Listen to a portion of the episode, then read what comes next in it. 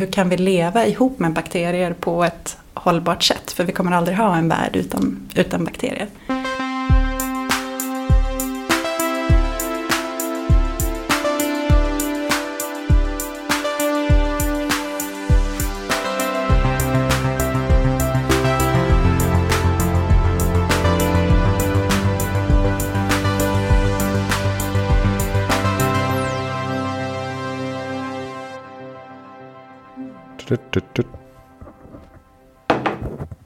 Okej, vi provar. Mm.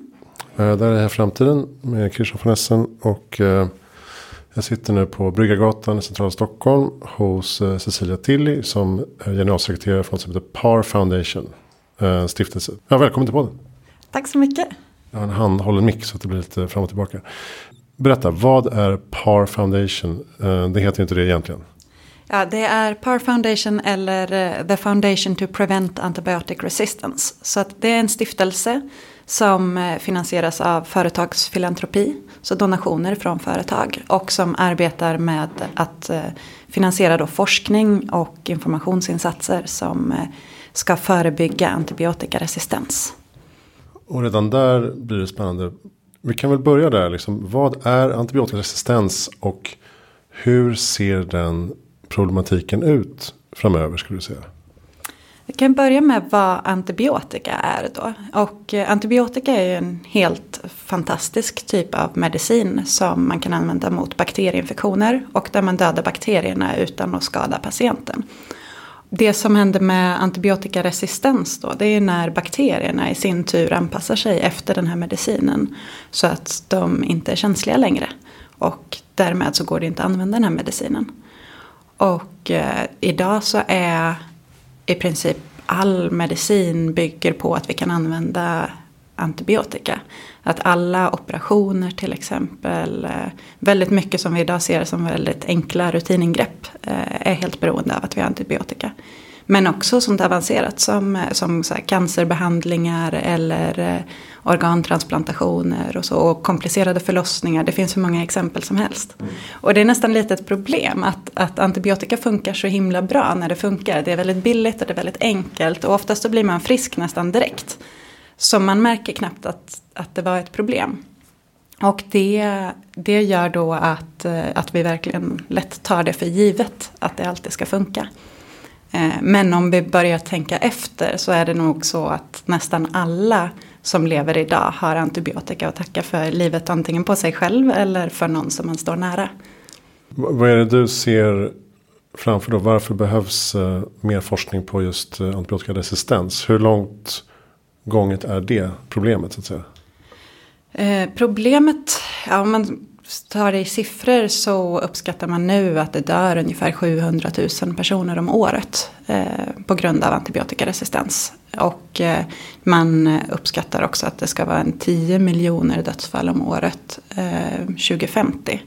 Sen är de här siffrorna jättesvåra att relatera till. Men, men det ger ju en känsla av skalan på problemet. Mm. Det är viktigt att arbeta med förebyggande arbete. Tidigare så har man ofta haft lite av ett narrativ där det nästan är som en kapprustning. Att bakterierna utvecklar resistens och då utvecklar vi en bättre antibiotika. Och sen utvecklar de resistens mot den antibiotikan och då utvecklar vi en ännu bättre antibiotika. Så har det liksom funkat under större delen av 1900-talet, att, att det var så det funkade. Eh, men nu så har vi problem, för vi kan inte utveckla ny antibiotika så lätt längre. Och eh, bakterierna de fortsätter att utveckla resistens. Om vi fortsätter på den liksom kapprustningsstrategin eh, så kan vi aldrig vinna. För de har tiden på sin sida och de har evolutionen på sin sida. Och det, det är ganska kört om vi bara försöker att utveckla ny antibiotika. Eh, så det som vi behöver göra där är ju att, att backa lite och se okay, men hur kan vi leva ihop med bakterier på ett hållbart sätt. För vi kommer aldrig ha en värld utan, utan bakterier. Eller virus för den Apropå situationen nu. Eh, och var uppstår problemen främst då? Är det en kombination av att vi tar för lättvindigt på antibiotikaförskrivningar i sjukvården. Kombinerat med, eh, med industriell köttproduktion som pumpas full med antibiotika också. Absolut, båda de delarna som du säger är ju viktiga drivkrafter. Om du, nu sitter vi här vid min vägg där jag har lappar över hela väggen för att försöka kartlägga alla drivkrafter för antibiotikaresistens och det är otroligt komplext. Eh, och ett problem är att man idag inte vet exakt hur stor del av problemet beror på vilka drivkrafter. Som du nämnde till exempel det här med köttproduktion. Och vi vet att antibiotikaanvändning i köttproduktion leder till resistens. Vi vet inte hur stor del av problematiken med resistenta infektioner hos människor beror på det. Mm. Så att om vi skulle sluta använda antibiotika helt i jordbruket så vet vi inte om det löser 80% av problemet eller 5% av problemet. Mm. Och det i sig är ju ett stort problem i hur, hur ska vi prioritera våra resurser. Precis. Eh, man kanske ska tillägga att eh, Sverige är väl i princip världsledande när det gäller djurhållning och antibiotikaanvändning. Absolut, absolut. I Sverige så används det väldigt, väldigt lite. Och eh, det som är problem som inte används här det är ju att eh, man använder antibiotika på djur inte för att behandla ett sjukt djur utan för att eh, de ska växa bättre eller snabbare eller för att förebygga eh, infektioner och på det viset så använder vi inte antibiotika här. Ja, så att eh, om man vill undvika detta problem så ska man välja svenskt kött om man äter kött helt enkelt. Om man äter kött. Men, eh, nej, men det, jag har ju sett kartor, alltså det är ju, jämfört med Tyskland, Italien, Spanien och så här. Det är extremt, eh, extremt stor skillnad. Ja, absolut. Sen tror jag att det är, det är viktigt att förstå att det inte är hela problemet. För en risk om man, i och med att vi inte vet hur stor del som beror på köttproduktion. Så finns det en risk med att eh, fokusera för mycket på det. För då är det som att eh, folk, framförallt kanske personer som inte äter kött då känner att jag är inte med och bidrar till det här problemet. Men det är, det är ett väldigt stort eh, samhällsövergripande problem där vi både har användning i sjukvård och det handlar om också sånt som att förebygga infektioner i sig. För det är ju inte bara det att vi använder antibiotika när det inte behövs utan det kanske också är att vi utsätter oss för situationer där vi använder antibiotika sen som vi inte hade behövt göra. Mm. Det kan ju vara en sån sak som att vara väldigt noggrann med eh, hygien när man reser till exempel. Att man, eh, alltså där går det ju att förebygga till exempel turistdiarré. Mm. Som kan förebygga behovet av en antibiotikabehandling. Och vad eh, stiftelsens uppgift? Ni delar ut pengar till projekt. Ja, precis. Så vi är en finansiär och vi finansierar framförallt forskning men även kan det vara informationsinsatser. Mm. Eh, och det som jag jobbar väldigt mycket med nu är att försöka kartlägga vilken forskning är det som har störst potential att göra skillnad här. Vad är det, det, det finns, det är ett otroligt stort område så det är viktigt för oss att förstå var, var ska vi lägga de här resurserna för att det ska göra så stor skillnad som möjligt. Så här effektiv altruist-tanke nästan. Precis faktiskt. Det är, det är faktiskt därifrån som jag har eh, kommit in till det här arbetet. Jaha. För jag, du, du, har ju förut i podden pratat med flera mm. personer där från, eh, från Effektiv Altruism Sverige. Mm. Min bakgrund är, kommer mer från eh, vanligt entreprenörskap med att jobba med startups. Och sen så kom jag i kontakt med Effektiv Altruism och för jag funderade mycket på så här, hur kan jag göra så stor skillnad som möjligt. Och utifrån personer jag pratade med där och material jag tog del av och mycket jag funderade så kom jag fram till att det som jag kan med att bygga organisationer och, och starta och driva eh, någonting, att det är någonting som behövs väldigt mycket inom non-profit mm. eh. För att väldigt många personer med den typen av skills de går till for-profit startups. Så att det är mm. helt, det är därför jag är här. Spot on, okej, okay, bra. Um, jag tänkte jag på har ni delat ut pengar ännu eller är det ett tidigt skede? Eh, vi har delat ut eh, vid två olika tillfällen och vi har faktiskt de första två projekten nu som, eh, som blir färdiga nu i höst. Så det ska bli väldigt spännande för när man väl har, det är en sak när man är i teorin i förväg försöker att träffa rätt. Mm. Och sen så när något projekt väl har utförts, det är då också som man kan börja titta på vad vad har det här gett för effekt? Och med forskning är det ju ofta så att även om forskningsprojektet är avslutat så tar det ännu längre tid innan man ser de konkreta effekterna av de forskningsresultaten. Men det är en process som vi kan börja nu. Så mm. det tycker jag ska bli jättespännande.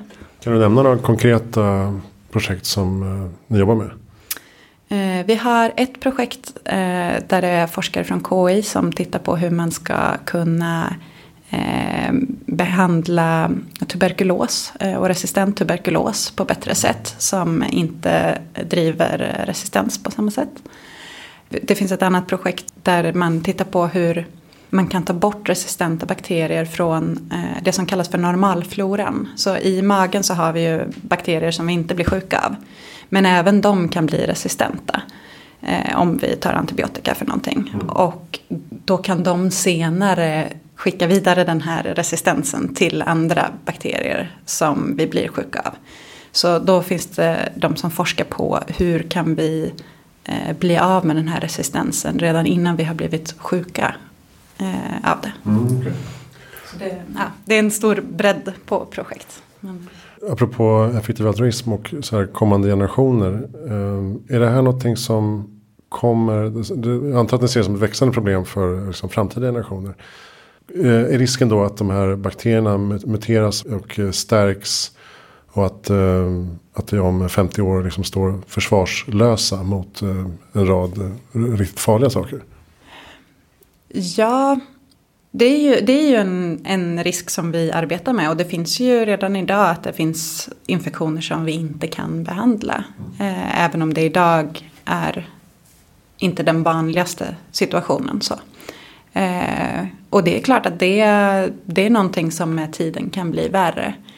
Eh, men det är viktigt att förstå att det inte bara handlar om specifika infektioner utan det handlar också om vad det innebär för resten av sjukvården. Att om vi inte kan behandla vanliga infektioner då kan vi inte heller behandla cancer. För då kan vi inte operera och vi kan inte ha cellgiftsbehandlingar för att det sänker immunförsvaret så mycket. Det är för riskabelt. Ja, och vi, klarar, vi kan inte göra operationer, alltså även sånt som Ja, man skulle väl fortfarande göra kejsarsnitt till exempel. Men det skulle vara otroligt mycket mer riskfullt än vad det är nu.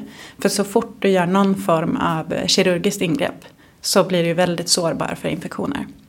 Så, att, så det är viktigt att förstå att i det här sammanhanget så är det inte bara, det är inte bara frågan om att det blir en superbakterie som tar koll på oss alla. Utan det handlar om att det liksom raserar själva grunden för vad hela den sjukvården som vi är vana vid att den ska fungera idag. Och du nämnde informationskampanjer också som mm. en viktig del. Jag antar att det måste, måste vara en utmaning att nå ut till just sjukvården för att eh, få praktiserande liksom, personal att förstå vidden av problemet. När man står mitt i, mitt i, inne i behandling själv. Liksom. Ja, det finns andra organisationer som har jobbat väldigt bra med just det här med förskrivningar. Som eh, Strama i Sverige till exempel. Eh, jobbar med det. Att, att, och jag tror att här så har ju sjukvårdspersonal generellt eh, bra kunskap om det. Sen kan det vara en fråga om hur man ska kommunicera med patienter till exempel. Att det kan vara en utmaning eh, i hur, hur man ska prata om det här så att och, då, och det kräver ju också tid att en läkare eller sjuksköterska har tillräckligt med tid eh, för att kommunicera med sin patient och för att man ska förstå vilken avvägning eh, det man gör. Kan det bli lite abstrakt också kanske? Ja, absolut. Absolut. Och det kan bli abstrakt för att ibland så handlar det ju om att det som är bäst för eh, patienten inte är det som är bäst i det stora perspektivet. Att det kan vara så att om du får antibiotika nu så blir du frisk snabbare och från bara ditt individuella perspektiv så är det bättre. Medan om vi tittar på hela världen och vi behandlar alla som har små infektioner som de ändå skulle bli friska från inom en vecka. Om vi behandlar alla dem med antibiotika för att de ska vara friska på två dagar. Då kan det vara en helt oacceptabel kostnad i hur mycket extra resistens det driver. Mm. Så ja, det är en komplex sak och det finns specifik forskning också på hur kommunicerar man kring det här på ett konstruktivt sätt. Och det skiljer sig också jättemycket mellan olika länder. Att det sättet som passar att arbeta med det här och kommunicera kring det här i Sverige. Det är inte säkert att det alls fungerar i Bangladesh till exempel. Mm. Och, och det är också en viktig fråga för nu om vi pratar om att Sverige är väldigt bra på att hantera antibiotika och antibiotikaresistens. Så det i sig har inte lika stort värde om vi inte klarar av att ta det vi har lärt oss här och överföra det till andra platser. För bakterierna kommer ju inte stanna vid gränsen. Liksom. Jag, jag pratade med Gabriella Overöder till exempel i, i min bok också. Eh, om just eh, corona och, så här, och sätta i perspektiv. Mm. Hur ser du spontant på, på coronapandemin i relation till det du jobbar med? Alltså apropå att väga risker mot varandra. Ja, det är... Det hänger ihop på en del ganska komplexa sätt. Corona är ju ett virus och antibiotika fungerar ju inte på corona. Eh, men det finns ju ändå kopplingar som till exempel att om man blir inlagd på sjukhus för en virusinfektion som, som corona och att man är allvarligt sjuk eh, så finns det en risk att man får en sekundär infektion eh, som kan vara en bakterieinfektion. Och på det viset så kan ju någon till exempel dö av både corona och resistens till mm. exempel. Att, att det är de två tillsammans som mm. orsakar ett dödsfall. Sen vet det är alldeles för tidigt nu att veta hur, eh, vilken betydelse det har haft i den här pandemin. Men, men det som jag, eh, om man tänker ur ett större perspektiv och jämföra. Då skulle jag nog säga att, att corona på ett sätt har ökat medvetenheten väldigt mycket om infektioner och folkhälsa som en hållbarhetsfråga och som någonting gemensamt. Mm. För annars så tror jag att man tidigare väldigt mycket har sett på hälsa som någonting, det är någonting för individen och det är någonting för läkaren och det är möjligtvis någonting för liksom, regeringen och WHO. Men det är inte som att man ser det som en övergripande samhällsutmaning som vi behöver lösa tillsammans. Och det tror jag är väldigt viktigt och, om man ska åstadkomma förändring, att man kan eh, få ett skifte i hur man ser på det. Mm. Det finns en ökad förståelse för att vi alla är liksom sammanlänkade på olika sätt. Min hälsa är beroende av din hälsa och så vidare. Absolut. Vilket ju kanske inte var tidigare då. Absolut. Vad är ditt bästa tips för att göra världen bättre i framtiden? Oj, då är mitt bästa tips att eh, att ta del av eh, sånt material som eh, Effektiv Altruism har tagit fram. Och eh, det finns den här 80 000 hours som handlar om 80 000 hours. Det är ju 80 000 timmar som man har att lägga i sin karriär. Och det är en organisation som arbetar helt och hållet med att hjälpa folk att hitta hur man ska göra det bästa av den tiden. Mm. Och jag tycker att det, för min del har det varit fantastiskt för att det är det är så olika. Det är så olika vad man har för kunskaper och bakgrund och vad man är, vad man är duktig på. Och det är också olika vilka frågor man bryr sig om. Eh, och jag tycker att de har ett, en fantastisk resurs i att man kan hitta det som passar utifrån ens egna förutsättningar. Mm. Ja, det är en fantastisk eh, plattform. Ja. Eh, 80000hours.org. Men som en karriärvägledare nästan. Ja. För de som vill göra mest möjligt gott i världen, i livet. Um, så då kan det vara att med dina speciella förmågor och bakgrund och utbildning kanske ska inrikta dig mer på biotech för att utveckla vaccin. Eller så ska du uh, jobba med AI-säkerhet och sådär. Saker man kanske inte hade tänkt på. Um, och uh, de har även en, en, en, eh, bra podd som är ganska matig. Det kan vara så här tre timmar med någon moral, moralfilosof från Tjeckien. Ja. det är många avsnitt, jag har lyssnat på halva avsnittet ja. och inte hela. Men den är bra. Ja, det är roligt för han, Rob Wiblin heter han väl, ja. programledaren. Han har, jag har lyssnat på honom i en annan podd. Han, han argumenterar väldigt starkt för att det är bra med långa poddavsnitt. Jag kommer inte ihåg exakt eh, hans eh, tes. Men eh, han menar att uh, det är lika bra att köra uh, tre timmar istället för en timme. Mm. När man ändå liksom, har lyssnaren på tråden. För då kan man, då kan man få ut uh, mer av, av samtalet på något sätt. Jag tänker att det kräver mer av upplägget. Det kanske blir väldigt viktigt då vad man hör under den första timmen. För mm. att många kommer att droppa av sen. Men, men jag tycker det är spännande att de, att de vågar på något vis också ja. göra det. Nej, det är inte en, en showmänniska. Utan det, det är ganska torrt. Jag har hört att det är många som lyssnar på eh, så här, dubbelhastighet eller så. Men jag kan ja. inte göra det. det. Nej, jag har svårt att göra det på poddar faktiskt. Böcker kan jag göra det, men inte mm. poddar. Um, har du bra lästips då, apropå detta? Nu, det enda som poppar upp i huvudet är eh, någonting ganska tungt. Men som jag läser nu som jag tycker är väldigt intressant. Men det är en bok som heter eh, Getting Health Reform Right det är ju verkligen facklitteratur. Så den är, den är hyfsat tung. Men om man är intresserad av global hälsa och hur man kan jobba med det. Då tycker jag ändå att det är en fantastisk bok. Eh, för att lära sig mer om hur det fungerar. Hur, hur det fungerar också när man ska arbeta med hälsosystemet politiskt och i praktiken. Mm. Eh, så det skulle vara mitt tips då. Vem har skrivit den? Måste jag kolla? Nej, vi behöver inte. Getting Health Reform Right. Yeah. Okej, okay. ja, vi, vi, vi googlar. Jag lägger upp en länk till i, i boktips. Är det, på, är det, på, det är på global nivå alltså? Det är inte ur ett amerikanskt? Ja, det är nog amerikanska författare. Men det är global nivå definitivt. Och eh, med perspektiv av vad som fungerar. Beroende på om man till exempel har ett eh, demokratiskt system eller inte. Mm. Så att man ska kunna, ja, man måste ju kunna arbeta med hälsofrågor även i länder som inte är demokratiska. Uh, vem tycker att jag ska intervjua? Svår fråga. Eh, Wilhelm Skoglund kanske. Vore spännande. Som mm. driver Nema Problema som arbetar med integrationsfrågor. Eller de arbetar med integration med sån här att man mentorsprogram och så här i Stockholm. Bra, jag har inte, inte koll på. Bra tips.